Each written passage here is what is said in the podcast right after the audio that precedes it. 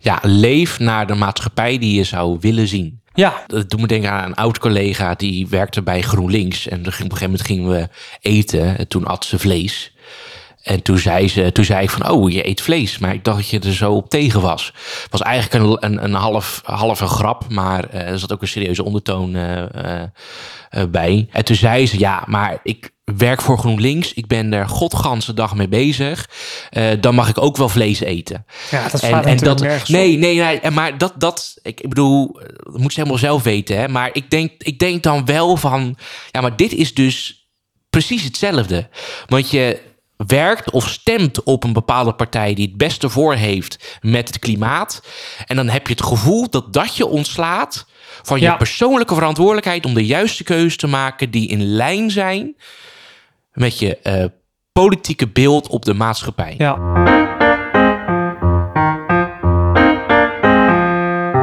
Een gesprek over maatschappelijke onderwerpen waar de mitsen, maren en nuances worden opgezocht. Mijn naam is Lars Bentin. Ik ben bestuurskundige en schrijver. Ik ben Erik van der Plicht, docent maatschappijwetenschappen en socioloog. Welkom bij Gezwever, de podcast.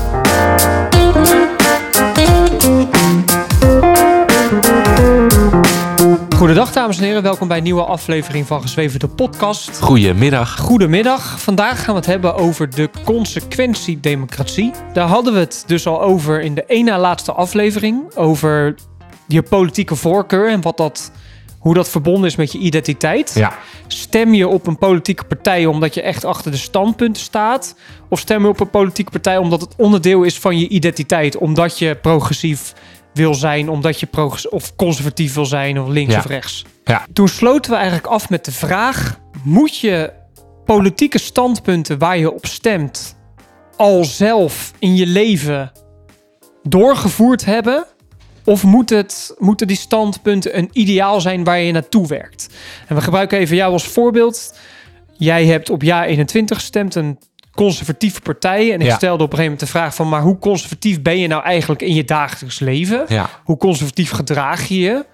En toen moest jij erkennen dat je je eigenlijk niet zo conservatief gedraagt... nee, als dat je zou willen. nee, klopt. En toen sloot je eigenlijk af met de opmerking dat conservatisme een ideaal is waar je naar zou willen leven. Ja, En dat je het liefst hebt dat de samenleving conservatief is, maar dat je ook daar wel dus zelf je verantwoordelijkheid in moet nemen. ja, klopt. Ja, Ja. ja.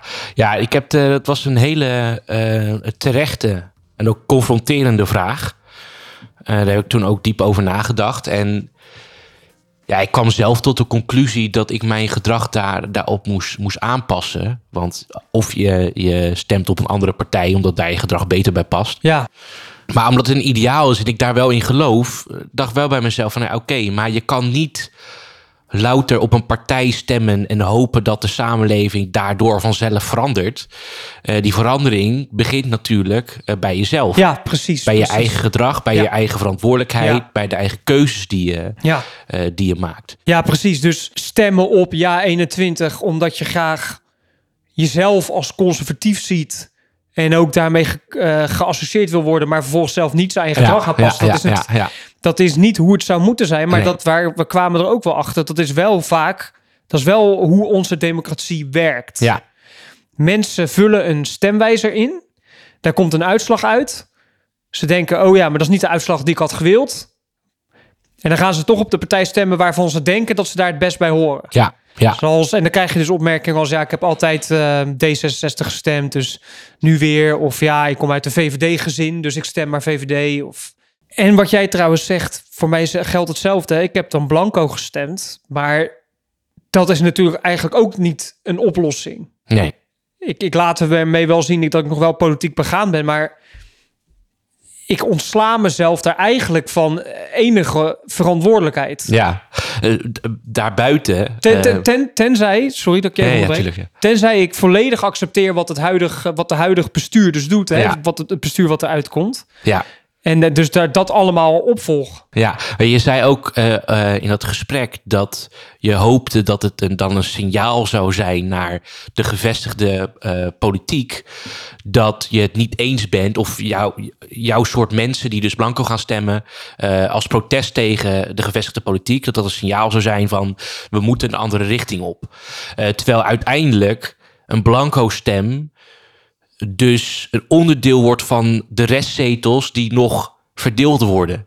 Dus hoe je het ook wet of keert, jouw stem wordt uiteindelijk een zetel voor een partij waar je misschien helemaal niet op gestemd hebt. Dat is wat ik later ineens over na eh, nee, ik, ik, ja, ik, ik heb dat, dat, dat systeem met die restzetels en zo heb ik, nooit, heb ik me nooit echt in verdiept. Maar kun je, misschien kun je dat de luisteraar en mij ook uitleggen? Ja, ehm, je hebt natuurlijk de, de kiesdrempel, eh, zoveel eh, stemmen. Dus zoveel duizend eh, Ja, z- ik eh, heb, stemmen is dat waar. ik heb wel eens, ik, ik, eh, als bijvoorbeeld 10 miljoen mensen stemmen, dan is bij de Tweede Kamerverkiezingen is, de, is dan de, de kiesdrempel 66.666. Ja. Dus je hebt dan één- 66.666 stemmen nodig Ja. als partij voor één zetel. Ja, ja, ja. Eh, maar uiteindelijk, je komt, niet, je komt niet geheel uit met het aantal stemmen. Dus Nee. er is altijd nog een, een, een aantal reststemmen die weer verdeeld moeten worden Ja. over de partijen. Ja, en dat Ehm, gaat naar Rato. En dat, ja, dat gaat naar Rato. Ja, klopt.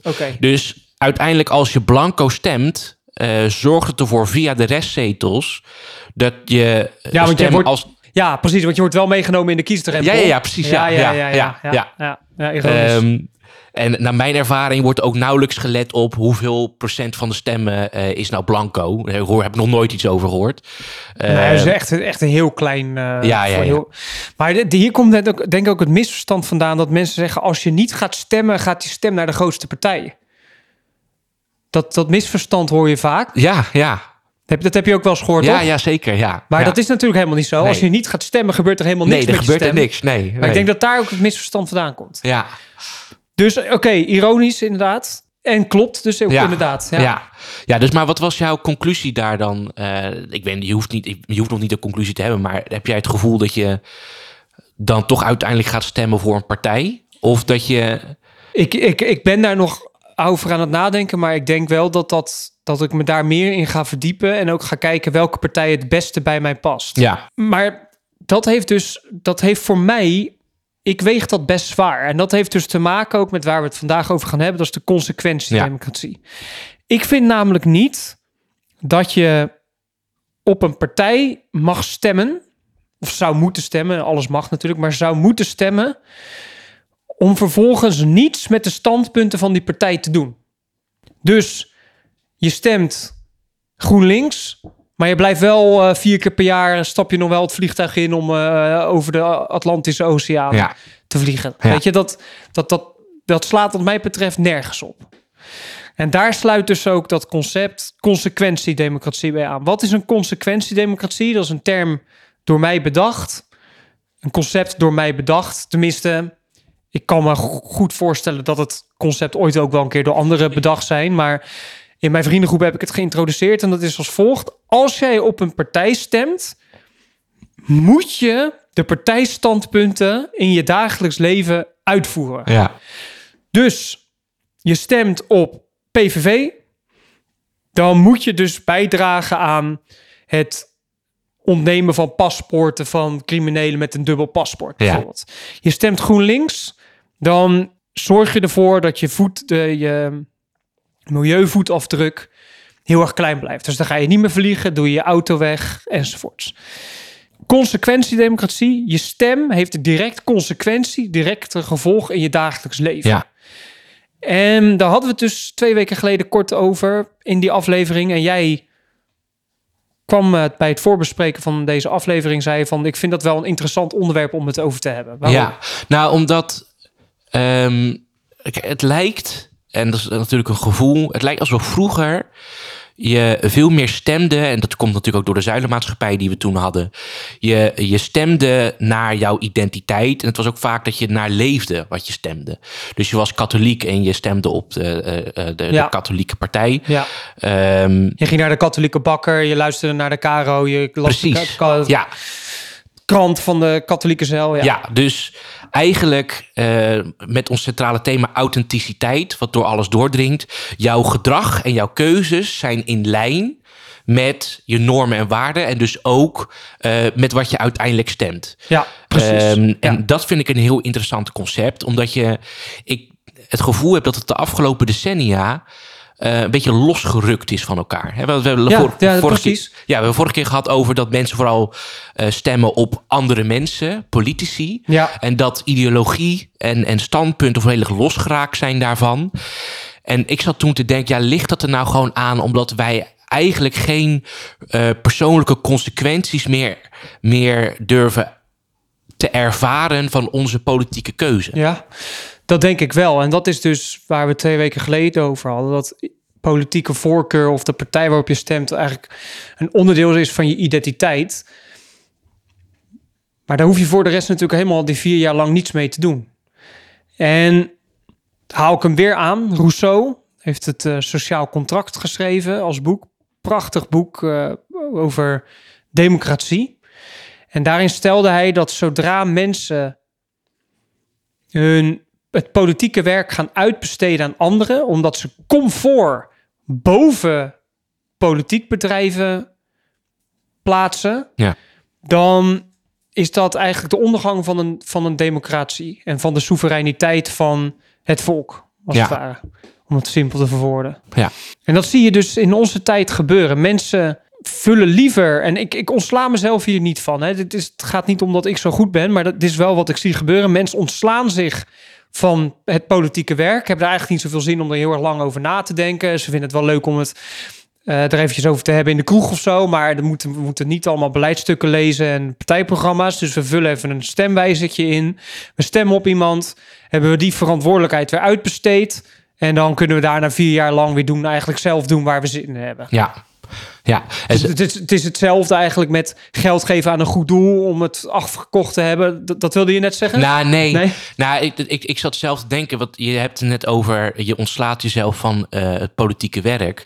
En je, naar mijn idee ontsla je jezelf niet alleen van het politieke werk, maar je ontslaat jezelf ook van je maatschappelijke verantwoordelijkheid. Omdat als het bijvoorbeeld gaat over solidariteit, ja. Um, nou, dan vind ik geld geven aan een goed doel, vind ik dan weer een soort tussenfase tussen persoonlijke verantwoordelijkheid, een goed doel en daarna de overheid. Mm -hmm. um, maar je ziet dus vaak dat mensen kiezen voor sociaal beleid of socialistisch beleid om de belastingen te verhogen, om dat te herverdelen naar armere mensen. Um, terwijl ik veel liever zie dat mensen zelf de verantwoordelijkheid nemen om de mensen om zich heen te helpen. En je ziet al heel snel dat als er een welvaartsmaatschappij ontstaat, of als er een, een, een verzorgingsstaat ontstaat, dat mensen zelf niet meer de verantwoordelijkheid voelen om voor hun naasten te gaan zorgen. Ja, uh, nee, precies. Dus, dus dat, wordt, dat wordt eigenlijk uitbesteed. Je stemt op een partij die de status quo van de verzorgingsstaat in stand wil houden. En dan hoef jij daar vervolgens ja. niet zelf meer iets aan te doen. Ja. En dat, dat zie je dus ook gebeuren bij proteststemmen. Mensen stemmen dan op een protestpartij, of tenminste op een partij die, die protesteert tegen het kabinet, zoals een BBB. Ja. Mensen stemmen daarop. Niet zozeer omdat ze, of PVV is dat natuurlijk ook heel lang geweest, of Forum voor Democratie. Mensen stemmen daar niet zozeer op omdat ze het nou per se eens zijn met de partijstandpunten, maar als protest tegen het kabinet. Ja. En dat is natuurlijk niet hoe een democratie zou moeten werken. Nee. En het werkt ook natuurlijk helemaal niet, want een protestpartij, het werkt niet als een protestpartij in, het, in de regering gaat zitten, puur omdat het een protestpartij is. Ja, ja. als toevoeging wat je net zei. Vandaag, terwijl we dit opnemen, is er dus een, een debat over de verkiezingsuitslag van de provinciale statenverkiezingen. Ja. En daarin zie je dus al dat het heel de tijd gaat over hè, wat het betekent, die verkiezingsuitslag. En daar gaat het dus het gaat dus niet in, in, in dat debat over wat er dan wel moet gebeuren, uh, maar vooral wat er of niet moet, of uh, wat dit betekent voor de coalitie. En wat ik daarmee wil zeggen is dat zo'n proteststem, je kan wel een dikke middelvinger geven aan de, de, de, de het politiek gezag of de, de, de politieke gevestigde orde. Maar een, een democratie zou moeten werken naar... oké, ik stem op de partij waarvan ik vind dat het wel op die manier zou moeten gebeuren. Juist, ja. Dus ja, dus dat, dat, daar, moet ik dan, eh, daar moet ik dan aan denken. Ehm, Ja, en het, het zorgt dus ook voor de verkiezingsuitslag is niet meer eenduidig. Want nu is er dan inderdaad gestemd op de BBB. In alle pro- provincies is de BBB het grootst geworden. Maar het is niet duidelijk waarom. Is dat omdat iedereen het eens is met de boeren? Wil iedereen een, een halvering van de Natura 2000 gebieden? Het is niet duidelijk waarom. Of Nee. hebben ze alleen daarop gestemd? Hebben mensen daar alleen op gestemd als protest tegen het kabinet? Ja, nou, je, je hebt één vandaag die daar dan een onderzoek naar heeft gedaan. Eh, of dat representatief is natuurlijk nog maar de vraag. Ehm, maar was de belangrijkste reden eh, waarom mensen op BBB hebben gestemd, was dat ze de, de ministers niet capabel genoeg vinden. Eh, maar wat, wat, wat betekent dat concreet? Ja. Wat betekent dat voor het beleid? Wat Ja. betekent dat dat er een hele lading eh, nieuwe ministers moet komen? Betekent dat dat er een nieuwe coalitie moet komen? Dat er Ja, nieuwe verkiezingen nee, moeten komen? Dus daarbij is het dus ook niet duidelijk, wat je net zelf ook al aangaf, wat dat nou uiteindelijk betekent. Ja, en, en, en daarom, dus, daarom dus de consequentiedemocratie. En ik wil dus eigenlijk bespreken... in hoeverre zou dat een oplossing kunnen zijn? Dat, anders verwoord, stel je voor... we leven in een samenleving waarin men... de standpunten van de partij waar ze op stemmen... in hun dagelijks leven uitvoeren.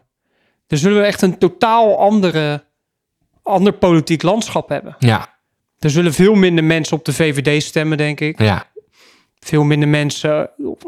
Er zullen mensen überhaupt, denk ik.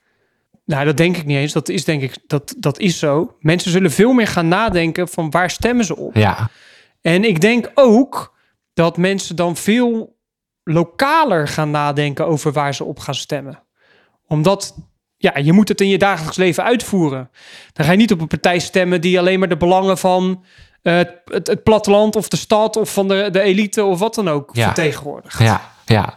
Ja, ik denk dat vooral het belangrijk, want als we het hebben over de consequentiedemocratie, en we hebben het over persoonlijke verantwoordelijkheid, ehm, zou het natuurlijk lichtelijk ironisch zijn om een consequentiedemocratie te hebben, wat mensen verplicht om en te houden aan eh, hun stem en dat ze hun persoonlijk gedrag daaraan moeten aanpassen, want dan zou het systeem dus weer moeten verplichten dat mensen gaan doen wat het systeem hen verplicht, in plaats van dat het een persoonlijke verantwoordelijkheid is. Ja, Uh, maar ik denk wel dat het een heel belangrijk punt is dat mensen moeten gaan nadenken wat hun gedrag is, uh, gespiegeld aan wat ze gestemd hebben. En ik heb hier daar die, dus die twee voorbeelden, ja, ja. uh, t- twee voorbeelden van. Uh, en dat is natuurlijk het ene is dat die klimaatverandering. Ja, Um, je hebt natuurlijk Extinction Rebellion, die uh, de A12 elke keer uh, dan weer blokkeert.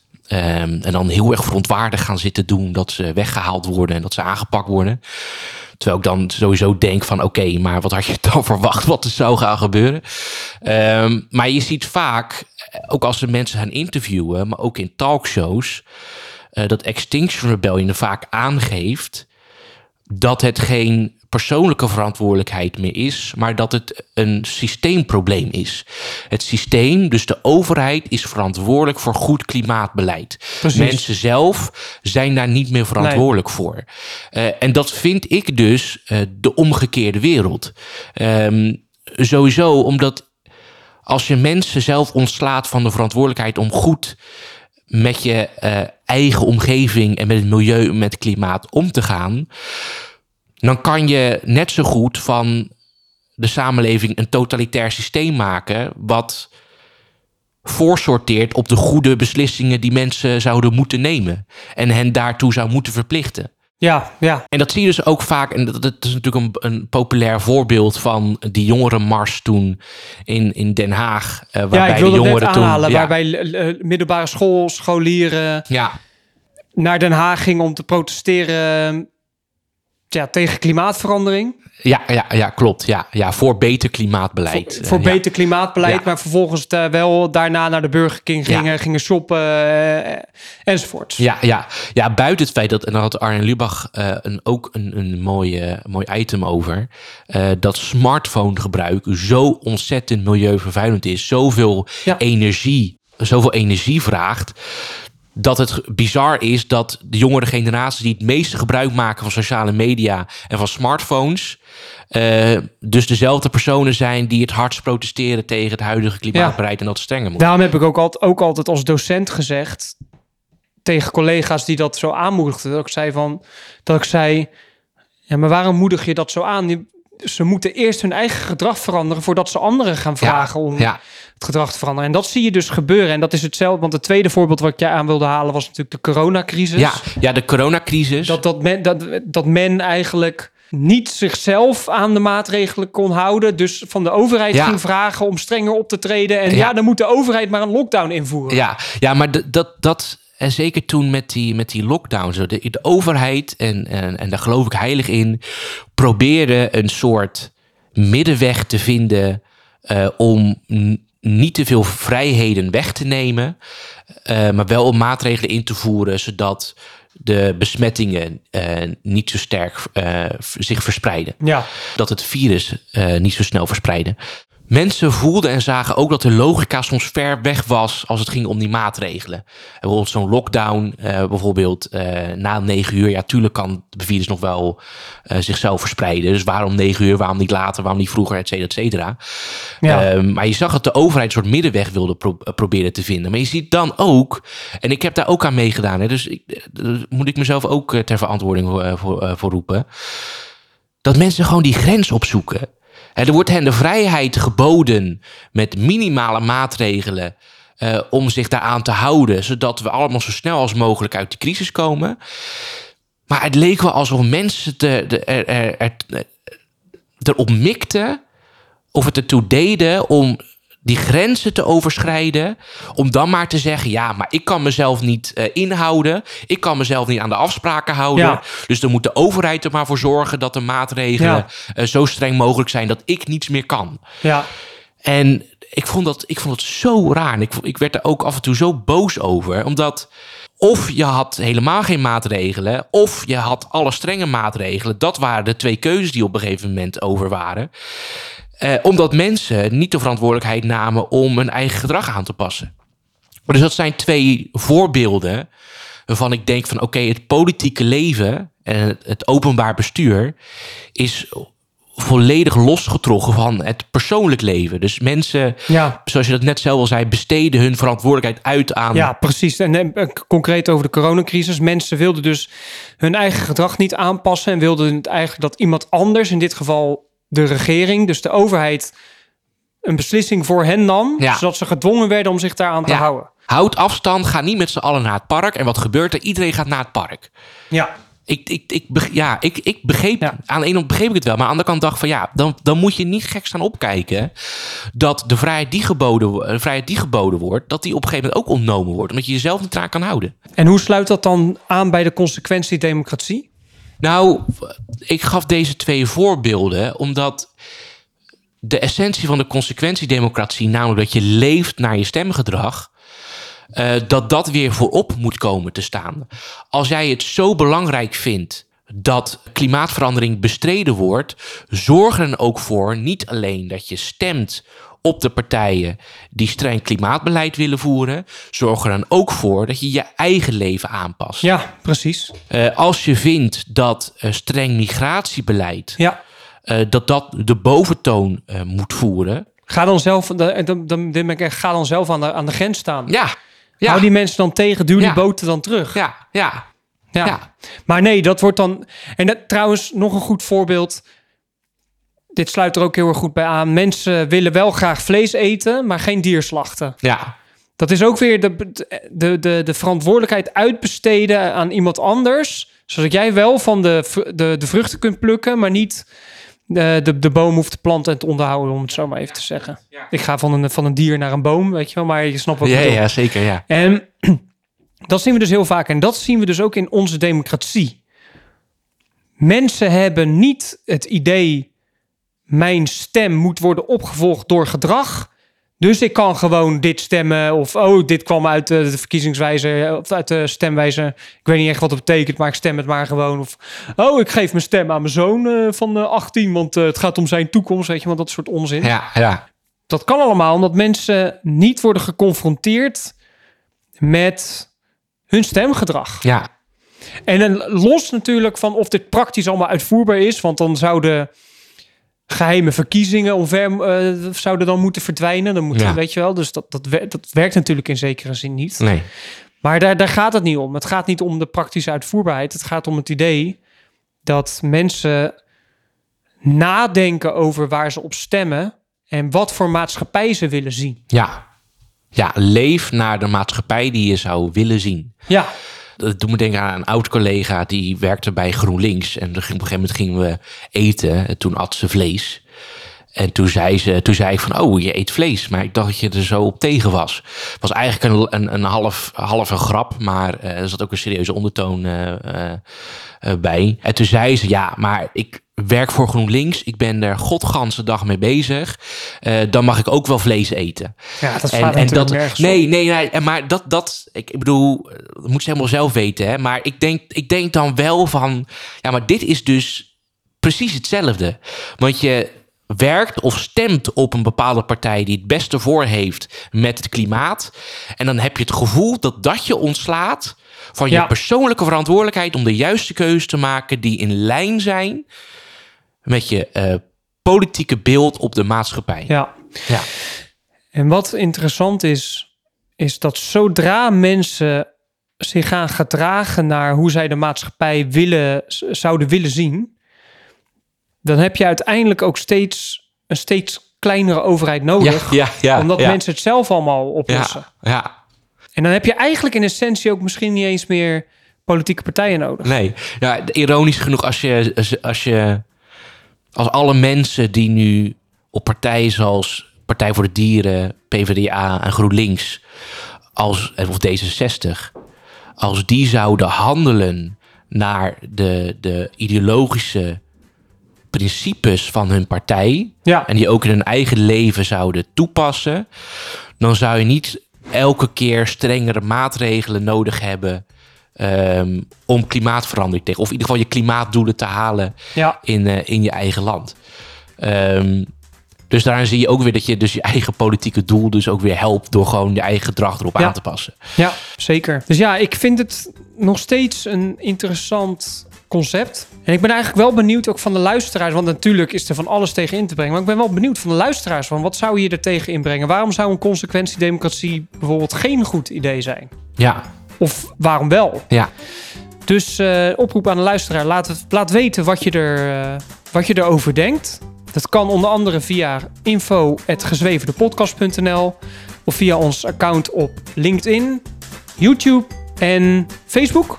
Hebben Ja, we Facebook? ja, we ja. hebben ook Facebook. En wat nog meer? TikTok hebben we niet meer. TikTok hebben we gedaan, Twitter hebben we ja, gedaan. ja, ja. Instagram. Instagram, ja, Ja, klopt. en Instagram. Ik ben heel benieuwd wat de luisteraar eh, ervan vindt eh, van dit ook. idee. Dankjewel. Bedankt voor het gesprek. Yes, en tot volgende week. Doei. doei.